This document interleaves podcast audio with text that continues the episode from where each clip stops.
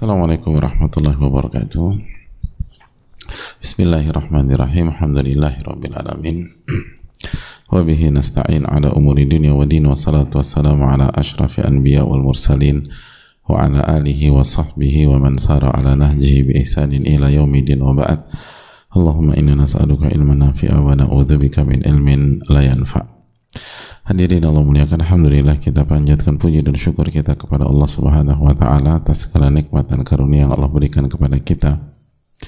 Nikmat yang tidak bisa kita hitung, tidak bisa kita kalkulasikan. Wa in ta'uddu ni'matallahi la tuhsuha. Dan jika kalian ingin menghitung nikmat-nikmat Allah Subhanahu wa taala, maka kalian nggak akan mampu bisa menghitungnya. Dan nikmat terindah adalah nikmat iman, nikmat Islam. Nikmat di mana kita bisa mendekat kepada Allah Subhanahu wa taala dan Allah memberikan taufik dan hidayahnya sehingga kita bisa mendekat kepadanya itu adalah sebesar-besar kenikmatan. Dan uh, kenikmatan yang membuat hati kita tenang, hati kita tentram.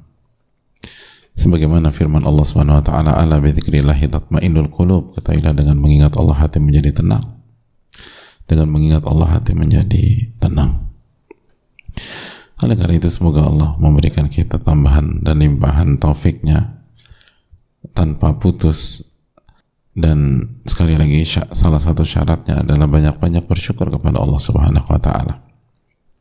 La in syakartum la azidannakum wa la in kafartum inna adzabi lasyadid.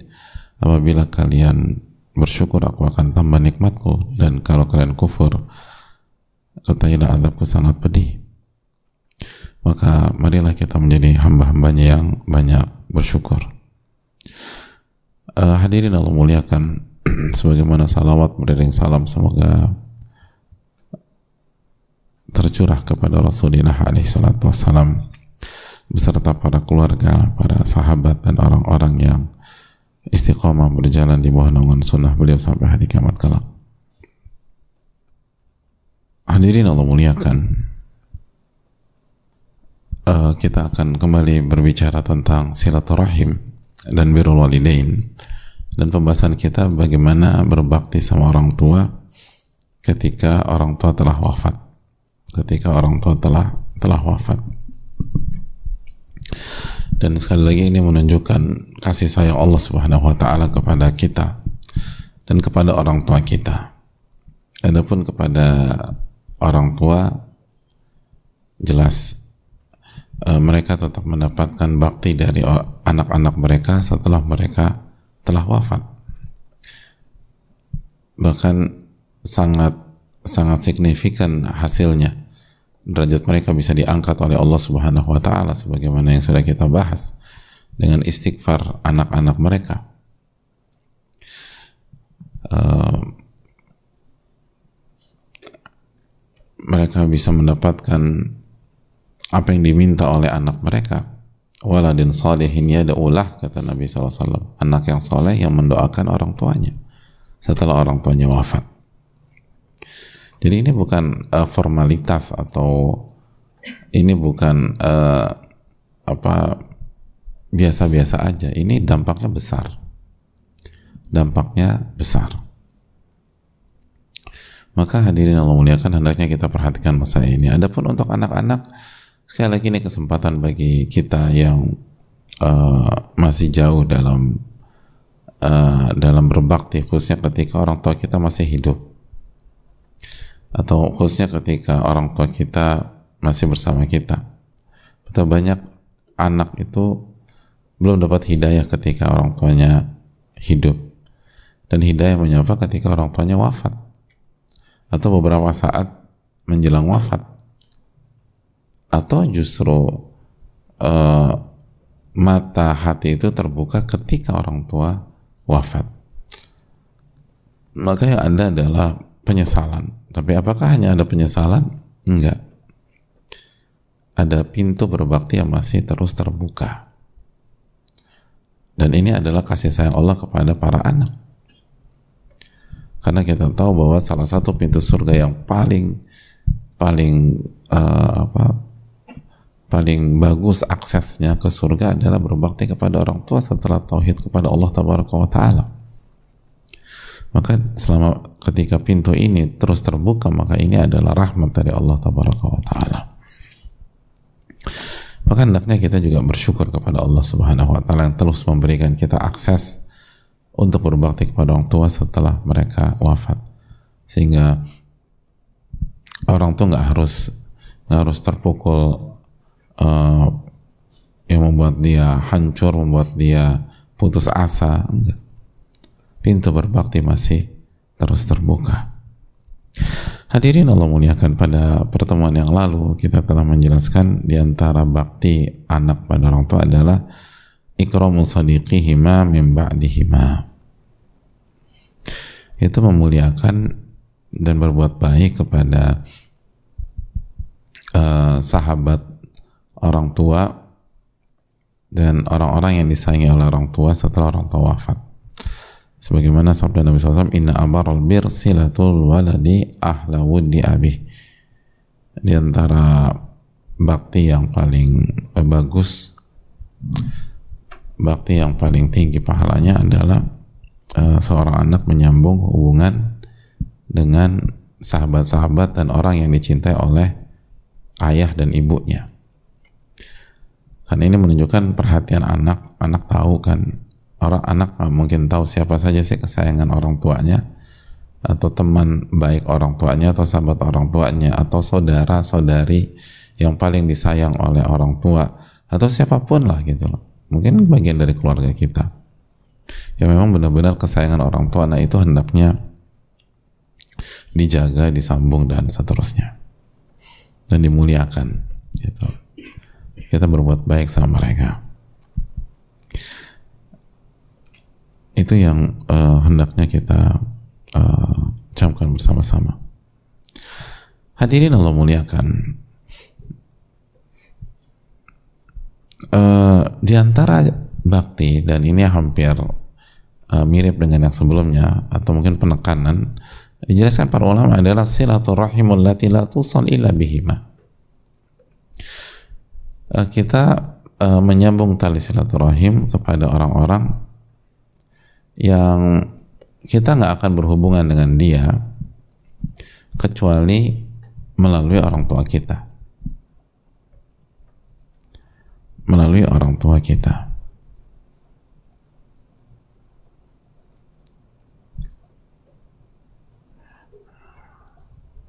Hadirin Allah muliakan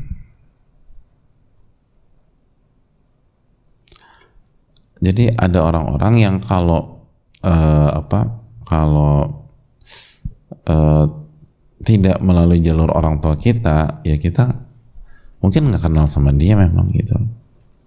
Dan nggak ada kepentingan juga kita ketemu sama dia gitu. Dan lain sebagainya. Dan nggak ada hubungan juga sama kita dengan dia. Tapi karena ayah atau ibu kita ah kita berkomunikasi dengan dia khususnya setelah wafatnya orang tua kita. Gitu lebih lebih lebih apa? Lebih khusus dibanding sebelumnya. Sebelumnya lebih umum. Makanya, sahabat orang tua mungkin dan biasanya kalau sahabat orang tua kan uh, apa? Yang memang atau ada banyak ya nah semua ada banyak sahabat orang tua orang tua itu juga dekat sama kita. Main ke rumah ngobrol segala macam gitu gitu gitu. Bahkan ada yang punya lanjut ke sana gitu. Bukan lanjut ke sana. Lanjut lebih luas lebih dalam lagi. Mungkin ada bisnis bareng lah ada inilah. Nah uh, yang yang saat ini itu kita nggak ada kepentingan apa pun kecuali ya karena dia tuh punya hubungan baik dengan ayah atau ibu kita aja. Selebihnya nggak ada mari kita simak hadis Abu Burdah Hadis Abu Burda radhiyallahu taala an. Qala qadimtu al-Madinata fa'atani Abdullah bin Umar. Abu Burda menyampaikan, aku uh, tiba di kota Madinah, maka aku didatangi oleh Abdullah bin Umar. Dan Abdullah bin Umar datang. Fa'atani Abdullah bin Umar radhiyallahu taala anhumah. lalu Abdul bin Umar mengatakan atadri lima ataitukah uh, tahu tidak mengapa aku mendatangimu? Mengapa aku datang kepadamu? Tahu nggak apa alasan? Why factornya apa sih aku datang kepada kamu? Kultula nanti kata dijawab sama beliau saya nggak tahu kenapa engkau datang kepadaku wahai Abdullah bin Umar Qala itu Rasulullah sallallahu alaihi yaqul Alasannya aku mendengar Rasulullah SAW bersabda, "Man ahabba an yasila abahu fi qabrihi." Barang siapa yang ingin menyambung hubungan dan berbakti kepada ayahnya ketika ayahnya sudah ada di dalam kubur, sudah ada di alam barzakh, alam kubur. Falyasil ikhwana abihi ba'dahu maka sambunglah hubungan dengan saudara-saudara ayahnya atau sahabat-sahabat ayahnya setelah ayahnya wafat.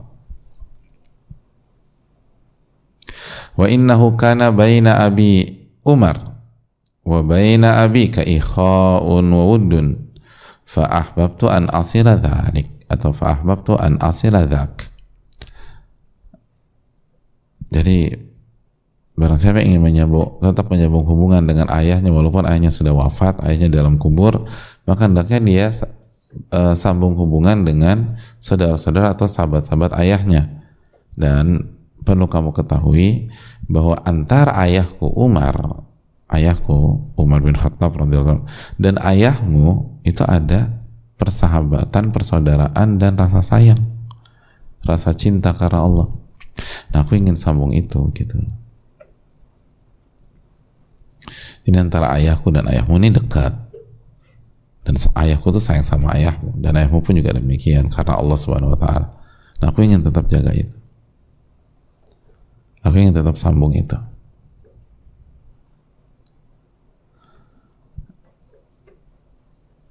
Nah, di sini dihasankan sebagian para ulama diriwayatkan dari Ibnu oleh Ibnu Hibban dan kitab sayanya dan Abu Ya'la. Hadirin Allah muliakan, sekali lagi ini menunjukkan uh, bagaimana para sahabat khususnya Abdullah bin Umar uh, mengamalkan sabda Rasulullah SAW dan menjelaskan kepada kita bagaimana pentingnya tentang kesetiaan uh, dalam dalam hidup seorang muslim pentingnya kesetiaan. Kesetiaan itu penting. Bahkan sampai titik ini bagaimana, bagaimana anak itu setia dengan dengan orang tuanya. Makanya bahasa Nabi SAW barang siapa ingin menyambung hubungan dengan ayahnya atau ibunya atau orang tuanya setelah wafat dan ayah dan atau ibunya di dalam kubur. Kalau masih mau menjaga hubungan ah saudaranya atau sahabatnya dijaga. Lihat bagaimana diksi atau kalimat yang digunakan oleh Rasulullah Sallallahu Alaihi Wasallam. Yang menunjukkan bahwa hubungan orang beriman itu bukan hanya berhenti sampai dia wafat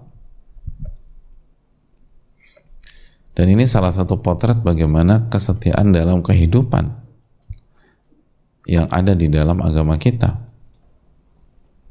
ini salah satu potretnya aja ada banyak contoh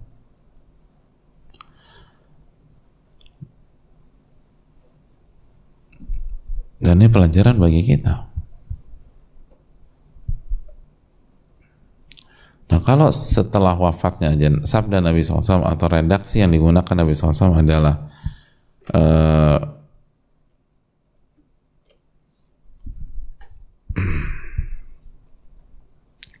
redaksi yang digunakan Nabi kita SAW adalah man ahabba an yasil abahu fi qabrihi barang siapa yang ingin menyambung hubung tetap menyambung hubungan dengan ayah atau ibunya dalam kuburnya Lo bagaimana jika orang tuanya masih hidup? Bagaimana jika orang tuanya masih masih hidup?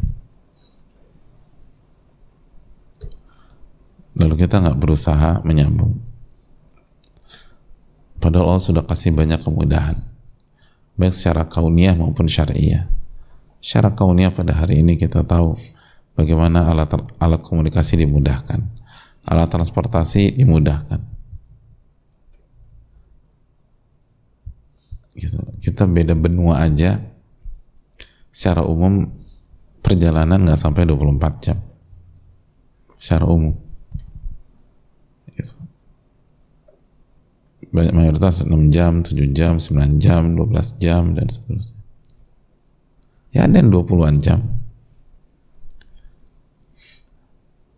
Tapi dulu coba kalau anak tuh pengen ketemu orang tuanya tuh bisa naik kapal atau naik ini tiga bulan, dua bulan, ada sebulan. Allah mudahkan gitu. Kalau kalau mereka bisa terapkan ini, kenapa kita nggak bisa? Kita mudah sekali. Lalu secara syar'i pun dimudahkan oleh Allah Subhanahu wa taala. Misalnya dari segi apa dari segi frekuensi atau interval atau rutinitas nggak ada nggak apa nggak ada angka tertentu. Sebulan harus 10 kali ya kan nggak ada perintah seperti itu. Gitu.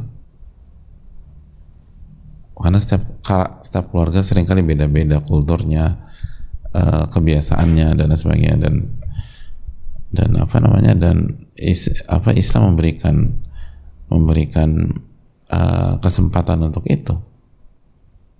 Coba kalau ditentukan ya, kayak sholat lima waktu gitu, wow, berat sekali bagi banyak pihak. Ini nggak ditentukan sama. Yang penting jaga hubungan, senengin hati orang tua, bahagiakan, gitu. Selama tidak maksiat, selama tidak haram, kan uh, hadirin Allah muliakan ada fleksibilitas di di ini. Dan pintu masih terbuka setelah mereka wafat. Maka uh, ini kesempatan besar. Dan sekali lagi mereka uh, pintu surga. Jika dibangun di atas tauhid dan iman kepada Allah Subhanahu wa taala sebagaimana sudah kita tekankan di hampir setiap pertemuan pentingnya membangun uh, birrul walidain dan silaturahim di atas iman dan mentauhidkan Allah Subhanahu wa taala. Dan jangan melakukan kesyirikan. Ini hal yang sangat penting. Dan lihat bagaimana Ibnu Umar, ayahku dan ayahmu itu punya hubungan baik dan saya ingin menyambung. Ingin menyambung. Dan ini kan PR ya apa namanya uh, eh, PR di kehidupan sosial kita. Jangan ini lihat dong Ibnu Umar itu menyatakan ayahmu eh ayahku Umar dan ayahmu itu punya hubungan baik. Dan saya ingin ngejaga gitu. Bukan hanya menjaga antar ayah tapi antar anak nah salah satu PR sosial kita tuh uh, apa namanya? Dengan dengan segala kesibukan ya dengan segala dengan segala uh, hiruk pikuk uh, saat ini itu kan jangankan yang seper, yang kondisi Ibnu Umar dengan apa dengan ya masih hubungan keluarga besar aja sering kali kita nggak kenal. Padahal satu satu generasi gitu loh. Ini siapa ya? Oh nanti ibu kita bilang oh ini anaknya si ini anaknya tante ini. Udah gede ya gitu. Terakhir kita ketemu tuh pas dia lahiran misalnya. Gimana mau kenal di di jalan ingat nggak kamu waktu akekahan datang? Iya sih tante ingat. Tapi itu kan 25 tahun yang lalu. Jadi udah lupa. Seingat-ingatnya nggak tahu bentuk atau nggak nggak tahu bentuk wajahnya lagi sekarang. Gitu. Ada banyak betul banyak sepupu tuh nggak saling kenal gitu. Sepupu nggak saling kenal. Nah ini uh, apa namanya ini menjadi PR sosial kan Dulu kan waktu apa dulu satu kampung keluarga semua tuh. dan main bareng segala macam depan keluarga, belakang keluarga, kanan keluarga, kiri keluarga, satu RT itu keluarga semua. Tapi sekarang sering kali di banyak, khususnya di lingkungan perkotaan itu sudah sangat tergerus, kecuali yang dimudahkan oleh Allah Subhanahu Wa Taala. Ini menjadi PR kita. Adapun kalau misal kenal, tapi mungkin intens, karena kesibukan intensitas nggak rutin, tapi masih masih apa masih berkabar, masih baik, ya wajar. Dan kita tahu dulu juga sekali lagi transportasi itu susah. Alat komunikasi dulu itu susah gitu. Tapi mereka tuh intinya masih ngejaga gitu. masih baik. Nah ini ini tantangan bagi kita Allah taala alam. Misalnya uh, dan kembali lagi ke poin kita bahwa uh, kalau kita ingin menyambung hubungan dengan orang tua di saat mereka telah wafat, maka coba ingat-ingat siapa sahabat beliau, siapa orang yang beliau uh, apa uh, siapa yang dekat dengan beliau, lalu coba sambung dengan dengan orang itu. Kalau orang itu udah wafat, sambung dengan keluarganya, sebagaimana kata Ibnu Umar radhiyallahu taala uh, anhumah. Gitu setelah orang tua kita wafat. Saya rasa cukup sampai di sini. Jazakallah khairan. Semoga Allah memberikan taufik kepada kita dan semoga kita bisa memperbaiki uh, hubungan kita dengan orang tua kita, baik saat mereka masih hidup atau mereka telah telah wafat. Dan sekali lagi, uh, sekali lagi kita masih berada di hari-hari yang yang mulia di bulan Dzulqa'dah. Dan kita semakin mendekat dan menatap 10 hari pertama di bulan Dhul Hijjah uh, momentum terbaik untuk beramal soleh. Maka persiapkan uh, diri kita persiapkan hati kita persiapkan jiwa kita karena kalau kita nggak persiapan maka kita akan kehilangan momentum di 10 hari pertama di bulan Dhul Hijjah banyak-banyak istighfar kepada Allah dan minta pertolongan agar Allah mudahkan kita beribadah di 10 hari ini atau di 10 hari itu Semoga Allah memberikan taufik. Assalamualaikum warahmatullahi wabarakatuh. Jadilah bagian dari perjuangan terbaik di Zulhijjah. Insya Allah, kita akan memasuki momen 10 hari terbaik di bulan Zulhijjah. Saatnya mengisi momen emas ini dengan sebaik-baiknya amal soleh. Muhajir Project Peduli mengajak seluruh muslimin beramal dan berjuang bersama dalam rangkaian aktivitas amal soleh dengan semangat terbaik di Zulhijjah. Ada apa saja di terbaik di Zulhijjah? Berbagi pangan untuk penuntut ilmu dan fakir miskin. Berbagi hidangan berbuka puasa di sembilan hari awal Zulhijjah untuk penghafal Al-Quran, penuntut ilmu, dan muslimin lainnya. Penyelenggaraan Festival Semarak Kurban dan Takbir oleh Muhajir Project dan Kurban Plus di hari Idul Adha dan Tashrik pendistribusian daging kurban dan olahan daging kurban matang untuk saudara-saudara muslimin. Pengolahan hidangan daging kurban siap santap di hari tasyrik untuk penuntut ilmu, fakir miskin, dan muslimin lainnya. Mengoptimalkan manfaat hewan kurban dengan mengolah kulitnya dan memproduksinya menjadi tas untuk mendukung aktivitas keilmuan para guru, penuntut ilmu, dan muslimin lainnya meraih pahala sekaligus berbagi solusi bagi kaum muslimin dengan menyebarkan buku-buku doa. Bagaimana akad program ini? Jadilah bagian dari perjuangan amal di terbaik di Zulhijjah. Sampaikan sedekah terbaik kita melalui CIMB Niaga Syariah 8600 1383 1800 atas nama Muhajir Peduli Indonesia. Muhajir Project Peduli